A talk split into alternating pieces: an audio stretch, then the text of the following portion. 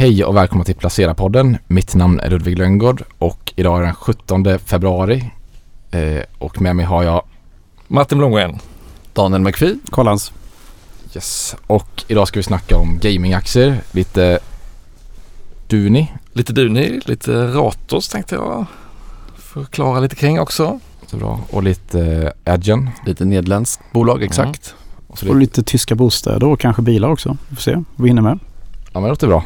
Vad ska vi börja med då? Ska vi börja lite börs? Hur har det gått i veckan här? Vad har hänt? Ja, vad har hänt egentligen? Ah, Alltså nu har vi väl ingen makroexpert med oss men eh, in- inflationen har väl gått lite på paus här som varit på väg ner i USA. Det är väl det som har fått börsen att skaka lite va? Både KPI och PPI var väl lite, lite inte fullt så bra som man hade hoppats. Så det har väl satt lite press på börsen men annars har det väl varit urstarkt för de här eh, teknikbolagen som gillar att inflationen är på väg ner. Ja, och det känns ju som att eh, inflationssiffrorna blev det inte så dramatisk eller rörelse på, men däremot PPI Ja, igår då, som var stark va? Ja precis, producentprisindex då som väl en led, ska liksom leda inflationen neråt men det verkar inte riktigt göra. Så Nej. att, eh, Och nu kan du dessutom få eh, 5% på amerikanska statsobligationerna. Så att då kanske en del investerare frågar sig varför ska man eh, ta risk på börsen? ja. Mm. Och amerikanska långräntan såg jag igår gick upp ganska mycket, så det var nästan uppemot 4 igen. Mm. Så att eh, den starka inledning vi har sett på året här nu har ju börjat mattas av Dämpas. bara de senaste dagarna. Ja, för det är ju helt sanslösa uppgångar i en del teknikbolag. Stora, liksom, stora i börsvärde och stora uppgångar i USA framförallt. Då. Jag Exakt. Exakt. kollade Daniel på vilka som har gått som spjut i år. Mm, ja, men precis. Jag kollar på de eh, vinnarna på S&P 500. Eh, där är egentligen 80% av eh, marknadsvärdet i, på USA-börserna. Som består av mm, dry, lite drygt 500 aktier.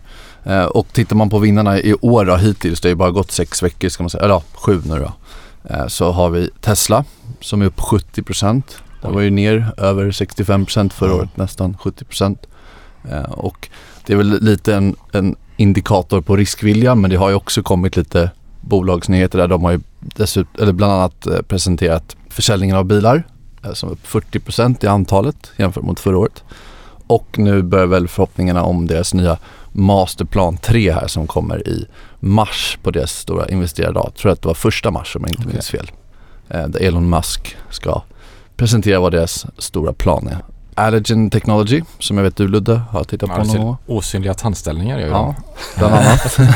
De hade väldigt tufft förra året. Osynligt tassar. Man kanske Ja. har en sån utan att veta det eller? Ja, det kan man. Det. Det påminner om exakt. de här osynliga munskydden som fanns när man hade, när corona var. De här, det fanns ju sådana eh, genomskinliga Ah. munskydd. Kommer jag ihåg. Mm. Ja, det var bara en parentes. Tills man nyser i dem, då är de inte Ja, genomskinliga de är inte lika fräscha kanske. Men vi har även Meta eh, på listan. De är väl upp eh, ungefär 50% i år. Eh, också en av årets, förra årets förlorare. Faktiskt av de tio bolagen som var sämst förra året så är fem av dem med på årets vinnarlista hittills då. Som Det sagt. svänger då. Det svänger väldigt mycket. Eh, andra vinnare är ju då Nvidia.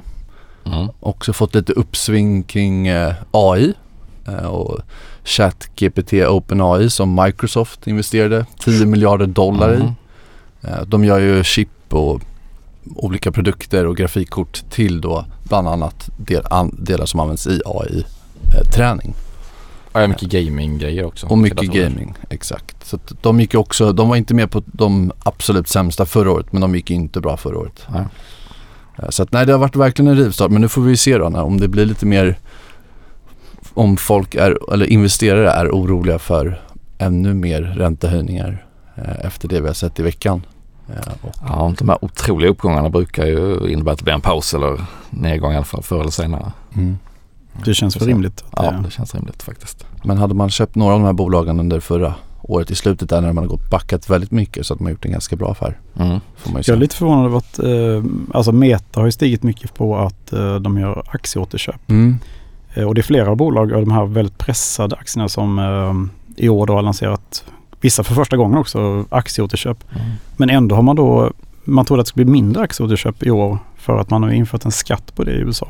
Okej. Så att det har förvånat mig lite grann. Just det. Att eh, aktieåterköpen är så aggressiva. De skulle väl köpa tillbaka för 40 miljarder dollar, var det inte så? Ja, det är ju hela, hela deras kassa i princip. Ja. Tar de ju. Och så köper de drygt eh, ja, 10% av aktiestocken ungefär. Men det har väl också lite med att göra att de, alltså marknaden tolkar som att inte man satsar lika mycket på metaverse också. Att det är lite mindre spekulation utan nu satsar man på vad som skapar Ja. aktieägarvärde. Ja, precis. Det måste vara det strategiskiftet på något sätt. Att Mm. bort från förlustbringande, potentiellt förlustbringande verksamheter till att Mm. ge tillbaka pengar. Och sen Mm. var det ju, var den och är ju fortfarande ganska lågt värderad faktiskt. Ja. Mm. Spännande. Men game, du var inne på gamingbolag där. Ludde, du kollar på eh, en del av gaming. Ja, jag kollar pratar på... vi inte sportbetting utan alltså Nej, det här är liksom dataspels- som dataspelsbolag eh, på börsen och den här sektorn är väldigt spännande tycker jag fortfarande. Det hade ju ett väldigt uppsving under corona när alla satt hemma eh, och inte hade något att göra. Då köpte man ju kanske en speldator och började spela lite GTA eller WoW eller vad det nu kan vara. Och under förra året har den här sektorn gått väldigt svagt. Det blir en rejäl baksmälla kan man ju säga. Så jag har kollat på ett antal bolag här då. Så ett av bolagen jag har kollat på är eh, EA, eh, Electronic Arts, som tillverkar Fifa och de här spelen. De har gått väldigt svagt på börsen. Ja, och de, och de är väldigt dominerande inom sportspelssektorn då. Alltså inte game, gambling utan det är Mm. liksom Fifa, Madden och de här. Och de värderas till 15 gånger ebita så värderingen har kommit ner väldigt mycket i den här sektorn. Och sen kollar jag lite på Take-Two Interactive som jag själv har aktier i. Som tillverkar GTA och Red Dead Redemption. Och de värderas ganska högt till skillnad från sina peers. De har kanske ungefär 22 gånger ebita. Kollar något på Embracer då? De hade en Så då- rapportdag eller? Exakt. De gick ju ner ganska mycket där in- initialt eh, och sen vände de upp. De, Ingen snackade upp det under Ja exakt. Och för att typ liksom motivera att köpa den aktien så måste man verkligen tro på Wingefors ambitioner där. Mm. Han har ju varit en väldigt, eh, Visionär. ja det kan man säga. Mm. Det var väldigt håsad aktie under, var det för, förra året? Det måste varit när gamingsektorn Mm. liksom exploderade. Du hade lite aktier där innan va? Du sålde? Ja, jag vinner ett litet tag. Jag tyckte det var spännande när man hade många släpp på gång och gjorde lite inbrytningar på nya områden. Sen så tog de in de här saudierna plötsligt i någon märklig affär. Så ja, då hoppade jag av. Ja. Då, då gick den upp liksom på det. Så då hoppade jag av med, jag har för Ja, mig att det gick plus minus noll på den där. Så det var skönt. Eh, och sen har jag kollat på Activision Blizzard också som jag har faktiskt köprekommendation på i månadens aktier. Och det ligger under uppköpsbud av eh, Microsoft. Och den aktien handlas då 20% ungefär under budet. Eh, och det är ju för att man tror att budet inte kommer gå igenom då på grund av regulatoriska risker. Men eh, jag tror det kan vara ganska bra risk-reward den här aktien för om budet inte går igenom då är Microsoft tvungna att betala en breakup fee till Activision Blizzard. Så då läggs det in i deras nettokassa. Och värderingen i Activision Blizzard är ju inte så jäkla hög egentligen. Så jag tror det kan vara begränsad nedsida där ifall det inte skulle gå igenom. Så du att Buffett eh, Mm, han minskar sålde? lite där. Ja, Eller minskar kanske? ja, han sålde inte allt men minskade. Så det är han har också tagit, det var ganska ovanligt för honom väl att göra Ja, han köpte innan budet. På, Ja. ja. Men han köpte innan budet också så... Okej. Men om det där budet faller och aktien dyker på det, det kanske Ja. är då man ska hugga. Ja, det skulle också kunna vara tillfälle att hugga. Men om den fortfarande är 20% från budnivån så kanske den inte faller allt för mycket. Nej, om nej jag menar det. Så det finns en begränsad nedsida. Så det borde vara bra risk-reward. Och sen kollar jag även på Paradox, det svenska spelundret som sysslar med liksom ganska mycket strategispel. Så de här spelen tenderar att vara ganska, ha ganska långa livscyklar och vara väldigt sticky. Alltså man eh, köper spelet och så är man typ kvar där i 10-15 år. Alltså man, och så kommer det nya DLCs då, alltså nya uppdateringar. Som gör att man får eh, konstant kassaflöden då hela tiden. De har väl en väldigt lojal kundgrupp som man har förstått. Som, Exakt, och lite äldre spelare också. Lite äldre spelarbas som är mer köp, har mer köpkraft kan man säga. Hur gamla är de äldre? Ja, men kanske 30-35. Men det är också Vilka liksom åldringar liksom. Fast det finns också 50-åringar och säkert 60-åringar också. Och de gick bra på rapport va?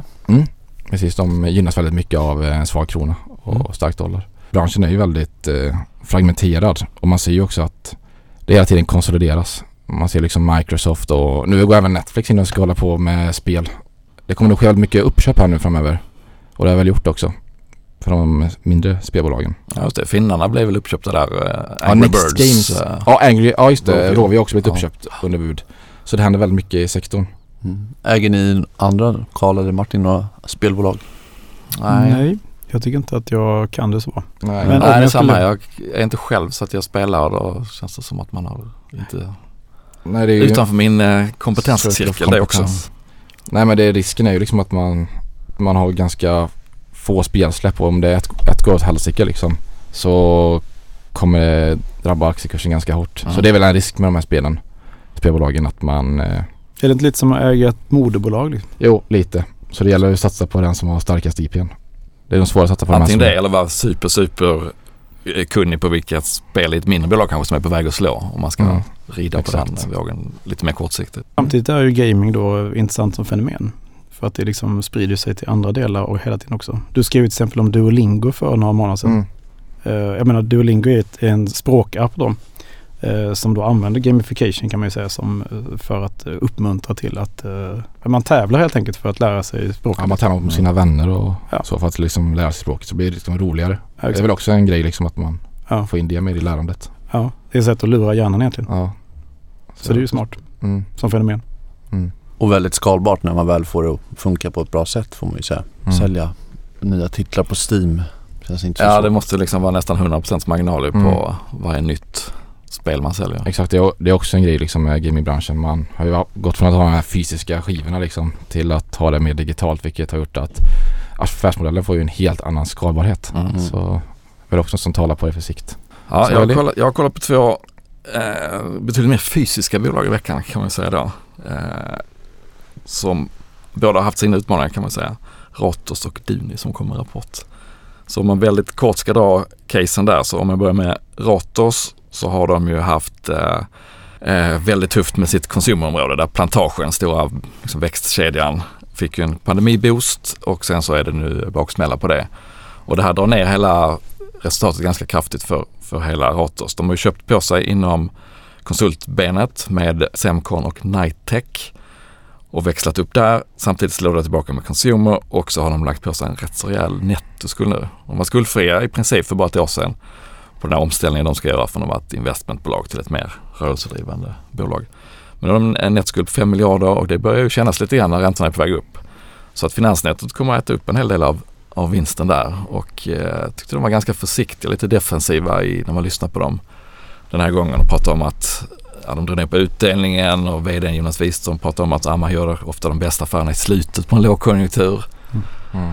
Eh, Okej, men om man redan har maxat som de nästan har gjort då, sin skuld på, på, eh, i, i linje med, sitt skuldsättningsmål då så, så har de inte lika mycket kapacitet längre. Så att antingen måste de nu börja sälja av lite för att ha ännu mer torrt krut om de verkligen vill göra stora bra affärer i slutet på lågkonjunkturen. Eller så kommer det nog att vara tufft för, för dem att få uppskattning på börsen för den här resan som de eh, vill göra. Så att min eh, slutsats där är att man ska nog eh, vara lite avvaktande ett tag. Och kanske köpa aktien också i slutet på en lågkonjunktur, inte bara Okej. som de själva då ska göra sina affärer i slutet. Så nu är frågan, är vi i en lågkonjunktur? Och Ja, har den ens, precis, Har den ens börjat börjat? Den har ju börjat har i den konsumentsidan för där Ja. är det, och där syns det tydligt då på plantagen bland annat. Som, och det är jättedyrt att ha ett, ett liksom växtbutiker nu med uppvärmning och hyror och allting som drar iväg. Är det så att de lägger ner butiker eller gör de någonting åt det som de Ja kommunicerar? precis, ja, men de har, de har liksom redan haft ett åtgärdsprogram och så ska de dra ner kostnaderna mer. Men det skulle väl inte vara de här mass, massuppsägningarna den här gången lät det som. Eh, utan de får väl skriva på alla knappar som finns. Rattar kanske man skriver på. Knappar, men ja, man kan, kan Hur ser, på värdering. Ja. hur ser värderingen ut då? ja, den är lite svårbedömd eftersom de har gjort de här jätteförvärven eh, i år då på Nitec, Semcon. De köpte ett annat plattformsförvärv inom eh, järnvägsinfrastrukturunderhåll. Eh, som gör att det ser väldigt bra ut. Tillväxten var väl upp 40 procent, vinsten upp nästan lika mycket. Eh, men samtidigt då så kommer ju finansnätet att äta upp det mesta. Så att per aktie liksom är det inte lika roligt. eh, Nej. Så att, nej, den, den ser inte billig ut trots då att de har hög skuldsättning. Så att stay off där och vänta lite. Nu har den i och för sig fallit säkert 15-20 procent efter rapporten om det ens Mm, räcker. Aktien är 19 procent i år. Ja, så att den börjar kanske närma sig att det inte längre är säljläge då. Men eh, Börjar inte Ratos bli lite som den här eviga doggen liksom? ja, Alltså, eller är det egentligen? Eh, men den hade den här enorma uppgången då på eh, början på 2000-talet då. ja, under Arne Carlssons tid. precis. Och sen dess Så sålde de ju mycket av det som gick bra så till slut blev man sittande där med tillgångar som inte var så bra. Mm. Sen blev en omstart med Jonas Wiström som är VD nu som kom från ÅF. Och för två, två år sedan sådär då började de med det här nya eh, projektet att gå från investmentbolag till rörelsedrivande då, eh, koncern. Och det såg väldigt lovande ut först och de har ju, hade en bra balansräkning. De sålde Dun Bradstreet eh, så de hade en riktigt bra kassa. Så det fanns mycket kul att göra och man kanske kunde göra parallellen då med alla de här compounder serieförvärvarna att, att de skulle kunna få den, lite den värderingen som de hade. Men det har ju gått lite i stå nu då. Mm. Eh, och med den här skulden parallellt med att räntan går upp så ja, det är lite svårt att, att, eh, Mm. att älska det här bolaget just nu skulle jag säga. Ja, det är ingen bra kombination alls liksom. Nej, det är inte det. Så finns det ju alltid en botten. Men eh, så då är det faktiskt lite mer positivt till Duni som Mm. är, kanske inte är det roligaste bolaget i världen. De gör ju servetter och dukar och sånt här. Produkter för det dukade bordet som de själv beskriver det. Eh, Men de har även en, ett ben som heter Biopack som är eh, förpackningar för hämtmat och sådär. Ett bolag som de köpte i Australien för ett par år sedan. Som driver mycket där på liksom hållbarhetsbenet och miljövänliga förpackningar och sådär. Men här har de gjort en ganska märklig affär. De ägde 80 om jag inte minns fel. Nu har de sålt 25% av det, får lite cash för det, behåller kontrollen. Eh, men samtidigt ska det här då vara ett, ett tillväxtben och någonting som ska lyfta bolaget ett steg. Så att det är lite märkligt tycker jag att man går ner i ägande men samtidigt målar upp det då som något som är framtidsområdet. Så det får väl, eh, ja, framtiden får väl utvisa om det var rätt väg att gå men de vill väl få igång någon slags entreprenöriell svung på det här biopack. Men hur som helst, här är värderingen betydligt lägre då. P12 kanske i år. Eh, kostnaderna på väg ner för att frakt, fraktkostnaderna är på, på rätt väg. Även liksom inköpskostnaderna på saker som har eh, legat på ganska höga snittpriser i, i lagren sedan tidigare på väg ner. Samtidigt som deras egna prishöjningar inte har slått igenom fullt ut än. Utan från Q1 framåt ska det börja slå igenom. Så att det kan vara en ganska bra, eh, så att det var en bra resultattrend även 2023 ihop med låg värdering så borde det finnas lite till att hämta här skulle Mm. jag säga. Vad Mm. pratar vi om för värdering ungefär? Är det? Ja, P- P12 på året Mm. ungefär på mina bedömningar slash gissningar. P10 på nästa år. Och delar ut pengar? Och, Och delar ut pengar igen. Har haft eh, uppehåll i tre år i utdelningarna. Mm. Nu kom tre kronor på aktie. Vilket väl motsvarar, nu stack ju aktien lite på rapporten men ja, man är väl nästan på 4% och 3,5 kanske. Så det är väl okej. Normalt sett är det ett väldigt ocykliskt bolag men pandemin Mm. råder ju liksom inte de heller på för att när restauranger och hotell och sådär stänger så är det en viktig kund som, som försvinner. Det är ju I kombination med högre inköpskostnader va? exakt. Mm. Och eh, även privata fester liksom. Det var mycket som var inställt där man kanske annars hade köpt lite fina dukar och, och servetter och ljus och sådär. Mm. Men aktien har legat still ungefär på 10 år liksom. Ja. Sedan 2013. Ja men det, och det är precis och den är ner om man tittar ett år tillbaka, tre år tillbaka, fem år tillbaka. Mm. Eh, men den, den marginal som de ska upp i nu som jag hoppas och tror på, där har de ju varit tidigare innan pandemin så att det är inte någon fantasi liksom att de ska tillbaka utan Mm. Mm. det är ganska mycket tillbaka till det normala. Ja. Och då tycker jag de kan värderas lite högre än så här. Men det är ju inte någon, det är inte någon eh, Tesla Ingen Hamburgare, raket. liksom. rörelse. Nej, det är ingen raket. Men säg att man kan göra 20-25 procent på några månader, något kvartal sådär. Mm. Kanske man får vara nöjd med. Mm. Ja, det låter ju bra. Låter väldigt Ja. bra. Får vi se om det blir så. Men Mm. på tal om fysiska saker. Ja. Kalle, jag vet du? Du vet, du tittade, återbesökte, är det Europas största fastighetsbolag? Europas största, Bostadsfastighetsbolag? ja, Europas största hyresvärd är det. Hyresvärd. För De äger ju, Vonovia då, de äger ju 550 000 eh, lägenheter. Och eh, 90% av beståndet är i Tyskland då. Så den, den stora koncentrationen idag. Eh, så att, eh, men de har ju även, det är även Sveriges största hyresvärd. De köpte ju Victoria Park och heter de Hembla Ja, det gjorde de kanske ja. Just det, I- i de, i Sverige. just det, de så kallade miljonprogramsområdena va, som de är ganska Exakt. stora i. Och de har ju då, eh, Vonovia har en lite speciell affärsidé. Det är att de, de går ju bara in på marknader eh, där du har en reglerad hyresmarknad. Då. Eh, och där det råder bostadsbrist. Så att det är ju då Tyskland, Sverige och Österrike de har valt att investera i.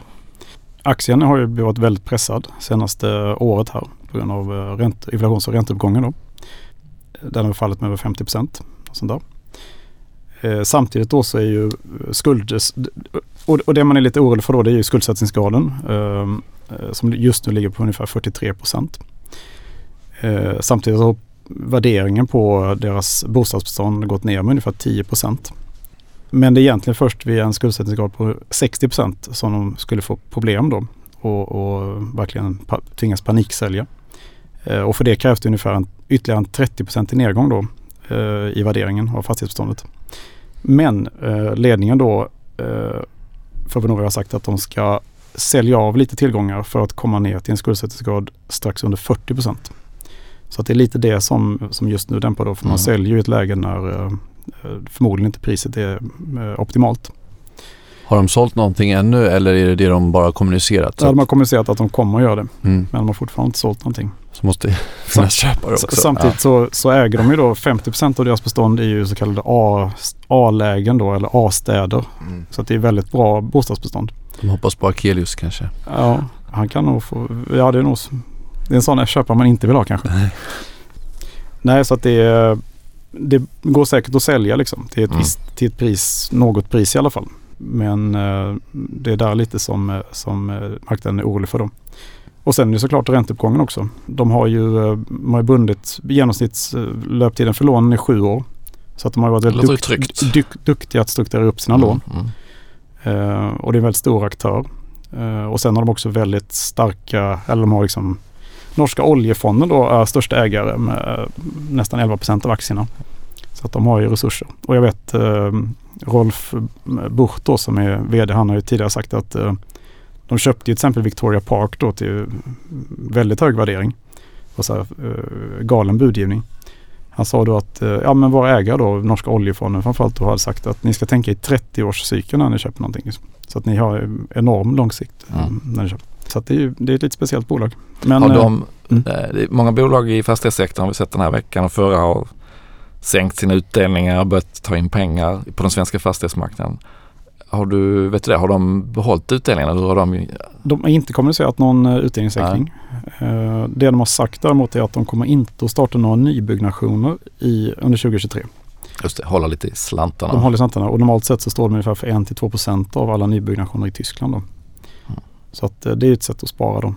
Och sen hyres, de kan inte höja hyrorna hur som helst heller. eh, utan det är ungefär 2% hyreshöjningar som väntar. Mm. Så det tar ganska lång tid att arbeta in inflationen då i hyrorna. Det. det som var en fördel innan kanske att de kunde Precis. garantera hyreshöjningar är nu en nackdel att det är garanterat tak på höjningarna. Ja så är det ju. Det- Och, det- och fördelen då, eller den fördelen med reglerad marknaden är- annars är ju då att du har ju 100% i uthyrning i princip. Mm. De har väl eh, 2%, en vakansgrad på 2% vilket är liksom mindre så går inte att ha i princip.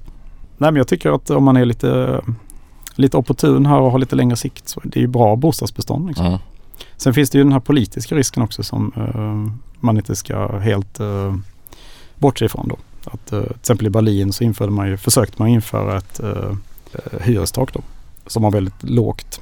Men det, det tog ju då den tyska författningsdomstolen bort. Men, men man vet ju aldrig liksom. Det är ju ändå risk att äga Mm. bostäder liksom Mm. på det sättet. Men eh, ja, ändå lutar ändå åt köp i den Mm. tycker jag.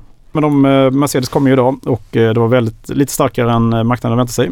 Plus att de då kommer att göra ett stort återköpsprogram här. Och den aktien är absolut intressant. De har duktig ledning. Ställt om snabbt mot Mm. elbilar och försöker röra sig ännu upp, högre upp i premiumsegmentet då. Eh, Och det har betalat sig väldigt bra. Samtidigt då så tycker jag att eh, mm, ägarsituationen är inte så, så rolig. Det är då kinesiska staten som äger 20% av eh, bolaget ungefär. Så är det ju, och värderingen är ungefär i linje med andra tyska biltillverkare. P7 ungefär, Mm. och sådana 7-8. Vilket fortfarande då är lägre än till exempel Toyota som många vill jämföra sig med. Som ligger ungefär runt 12. Lägre än Tesla kan man ju lugnt säga. Tesla vågar man inte jämföra sig med ännu då kanske, nej. men eh, vi får se. Eh, men eh, jag satt och avvaktade då på Ja. Mercedes. Ja. Hur har aktien gått innan nu? Senast? Den har gått väldigt bra faktiskt. Eh, så den, eh, den har stigit sista året här. Mm. Och just det här, just det här att, ledningen, att man flytta dem mot ännu mer premium så att säga. Ja. Det har lyckats. Man har, man har haft chipbrist men då har man bara producerat bilar i det höga segmentet. Liksom. Men du har kollat på betallösningar ju. Ja, Nederländska exakt. sådana. Ja, Mm. betydligt mycket hö- eller betydligt högre värderat än både Duni och Mercedes får man ju säga. Men eh, också växt betydligt snabbare, eh, historiskt i alla fall. Eh, så att de är betalningsplattform, en egenutvecklad plattform eh, som egentligen gör att alla återförsäljare kan eh, förenkla sina processer för alla betalningar. Så att oavsett om det är Visa eller Klarna eller vilken typ av betalning du gör, om det är i butik eller via mobil eller kort, så får du in alla betalningsströmmar i en och samma plattform. Eh, och då får du in valutor, du kan koppla alla avtal till liksom ett avtal. Eh, det vill säga att du har ett avtal med Adyen och så kan du få tillgång till 250 olika avtal för betalningslösningar. Mm. Så de blir som en uh, gatekeeper eller spindelnätet eller vad man säger. Ja, precis. Så att, och, sen, ehm, och det gör ju att om du tänker all hantering med kunddata blir betydligt enklare hur du ska förstå konsumenten, vad de gör och vad de gillar. Eh, och det blir även att du har bättre risk management vilket är väldigt viktigt idag. Det vill säga att du kan stoppa bedrägerier eh, och du får en betydligt enklare analys av all betalnings, alla betalningsströmmarna. Hur är det med konkurrenter då? Ja, de har ju konkurrenter, bland annat Stripe som inte är noterat. Eh, de är ju mer i USA eh, och lite mindre eh, aktörer som jag har förstått det. Men de konkurrerar inte direkt sådär mot de andra betalningsinstituten. Det här är ju en väldigt komplex bransch ska man ju också säga. Vilket gör det väldigt svårt också som investerare och det händer ju mycket på området. Och ser man till exempel Visa och Mastercard, de här har fortsatt gått bra, de har gått bra på börsen. Medan om vi tar de som är lite mer närmare, konsum alltså, närmare konsumenten i så sätt som Klarna och de här Buy Now Pay Later som Affirm, Affirm. till exempel har ju fått se sina värderingar komma ner mm. väldigt mycket. Eh, även Stripe har ju eh, tagit in pengar på lägre nivåer än tidigare och då ska man också säga att de kommer från väldigt höga nivåer. Eh, Adyen har ju också gått ner 50% sedan toppen ungefär så att de har också fått se sin värdering. Mm. Men de hade rapport nu i alla fall. Eh, intäkterna växer i 30%. Eh, de har ju historiskt aldrig gjort några förvärv också. De har ju växt helt organiskt och verkar vara ganska bestämda på att det är så de ska fortsätta. Däremot så har de bestämt sig för att gasa på lite nu vilket gjorde att marginalerna var lite sämre. Eh, så att i Ehm, och då är det, det de gör är att de investerar mer i personal. Så att de ökade faktiskt antalet eh, personal nu med ganska kraftigt mm. från 2500 till 3300. Men det är väl väldigt bra nu i sämre tider att de liksom kan ta marknadsandelar och Ja, det är oftast det man vill liksom lyfta fram i alla fall att skulle det bli sämre tider så har de möjlighet att gasa så får man ju se resultatet av mm. det. Eh, de ska ju också säga att de fortsätter den här takten 2023 så att de har ingen, för närvarande ingen avsikt att slå av på takten och de säger att de ska börja bromsa 2024. Eh, eller bromsa, men då ska de slå av på den här investeringstakten. Så att eh, jag ser det som ett kvalitetstecken mm. men det är självklart så att det är upp till bevis för framtiden att de satsningar de gör och att, att det ger resultat. Men tjänar de inte väldigt mycket pengar också? Jo, de är extremt lönsamma. De har en stor nettokassa. Ingen belå- eller de är, och som förväntas växa. Eh, det, som är som i många av de här typerna av bolag, de är väldigt högt värderade. Mm. Så att det är P43 på nästa års beräknade vinst. Så att ska man köpa den här som jag satte visserligen köp på så ska man veta att det är väldigt hög risk eh, och att det händer väldigt mycket. Men väldigt lönsamma, väldigt stark tillväxt historiskt, helt organiskt, har en väldigt bra position i branschen. Eh, så att jag tror att det är en spännande aktie att äga i den här sektorn. Om man nu vill ha en sån exponering mot betalningsindustrin till exempel. Och noterade i Holland? Medlen, ja exakt. Mm. Det fanns ju en tysk konkurrent som hette Wirecard. Ja precis, apropå komplext. Ja. Mm. Eh, nej så att det är ju en, det gäller väl i och för sig alla investeringar. Eh, att det är svårt att få sån typ av insyn. Men eh, det är klart att det är sånt som gör att man tänker en gång extra innan man investerar. Man ska ju se upp med om de har filial i Dubai då. Där ungefär hälften av omsättningen kommer ifrån den. De har faktiskt lite försäljning i just Dubai. Mm. Men mm. den är väldigt liten. De har hälften av sina intäkter från Europa. Och de går faktiskt väldigt bra i USA. Är Nordamerika. Ja, jag tog en titt på insynsköparna här i veckan. Nu efter att boksluten har kommit så är det fritt fram för de som är registrerade som insynspersoner att börja köpa aktier eller sälja i sina bolag igen. Och eh, det brukar alltid vara kul att se vem som har agerat och hur. Och, eh, man kan väl säga att det är de the usual suspects som mm. är inne och handlar. Det är Fredrik Lundberg, det är framförallt då H.M. Persson. Mm. Pappa Persson eller farfar Persson kanske han är nu. Som eh, alltid inne och köper H&M. Som alltid inne och köper H&M, ja precis. Och alltså när jag skrev den här artikeln igår eftermiddag lunch så var han uppe i 2,3 miljarder. Jag tittade senaste månaden. Då hade han köpt aktier för 2,3 miljarder på en månad. Och sen innan eh, artikeln ens hann ut så hade han gjort ett köp till på nästan 600 miljoner. Så att, det är han bara så het på köpknappen liksom. Ja, så nästan 3 miljarder på en månad har han köpt och han har ju tagit för vana att använda utdelningar till att köpa aktier i H&M. Det är lite fascinerande och det är lite så här, är det för att han har brist på alternativ eller är det för att han har ett case i H&M som inte andra har för aktien har inte gått speciellt bra och bolaget går inte superbra heller. Eller vill han köpa ut från börsen också kanske? Eller vill köpa ut från börsen. Det, det kan ju vara så. Jag vet att Simon Blecker på Carnegie Fonder har ju luftat en, en kalkyl några gånger där han visar att på 6-7 år så skulle Persson kunna köpa ut hela H&M genom att eh, använda utdelningen till att köpa aktier och genom att bolaget gör e egna aktie, återköp då, så skulle de vara uppe i över 90% om 6 eller 7 år. Det är möjligt att det är the game plan för de kommande åren. Mm. Eh, oavsett så är det ju är det ju en tuff motståndare att ha om man tänker att man är negativ och ska blanka aktien. Mm. Att veta att det alltid är någon som ligger och Mm. Ja, köper jobbigt. för miljarder varenda år. Så det håller uppe kursen och, och ja, det blir väldigt spännande att se var vi är om något år om man fortsätter hålla den här takten. Och inte minskar är antalet så- tillgängliga aktier på marknaden också. Exakt. Kan. Free floaten blir mindre och mindre då. Ja. Så att, eh, det kan också göra att rörelserna blir större när det kommer positiva eller negativa Aktien är ju nyheter. inte så blankad heller. Nej, och det är ju säkert för att man vet att De där köpen det är hela jättebra case att gå emot uh, Mm. Mr Persson. Andra stora, det är ganska många vd som har varit inne och köpt också. Arjos vd, Joakim Lindorff, Meko var inne och köpte, Telia vdn, Alison Kirkby, Munters, Boliden.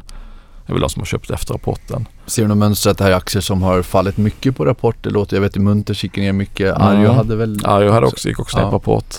Eh, jag tyckte inte sådär spontant att jag ser något jättemönster utan det var nog, eh, det brukar ju alltid vara en del vd som, som köper efter rapporten för att de, de kan köpa när, det inte, är- när alla information är ute. Liksom. Eh, så att, nej, jag skulle inte säga att jag såg någon sån där jättemönster som man vill flagga upp för.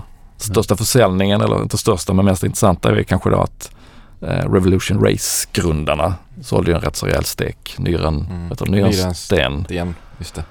Eh, Hon avgick ju i somras som vd och det var lite turbulens. Sen har de fått, fått fart på skutan. Men de sålde för 135 miljoner. Men är fortfarande väldigt stora ägare Mm. bakom Altor. Mm. Så att det ska man ju inte heller läsa in sådär jättemycket i tror jag. Utan vill väl göra något kul för de pengarna. Eh, Så att ja, det var väl en liten wrap-up på eh, insynsköpen. Vad tänker ni kring insynsköp generellt sådär? Är det viktigt? Ja, men det är det. Det tycker jag är viktigt. Det ger ju en signal såklart. Mm. Alltså det är ju, jag tycker det är absolut, man ska, man ska dra öronen åt sig om det är mycket insynsförsäljningar till exempel. Mm. Eh, Köpen kan man ju se lite grann som, det kanske är så pliktköp lite grann. Ja. Att du kanske måste köpa i princip. Liksom. Eh, Det är klart om det är mycket väldigt stora insynsköp då kan man ju se det som något positivt också. Särskilt i lite mindre bolag. Mm.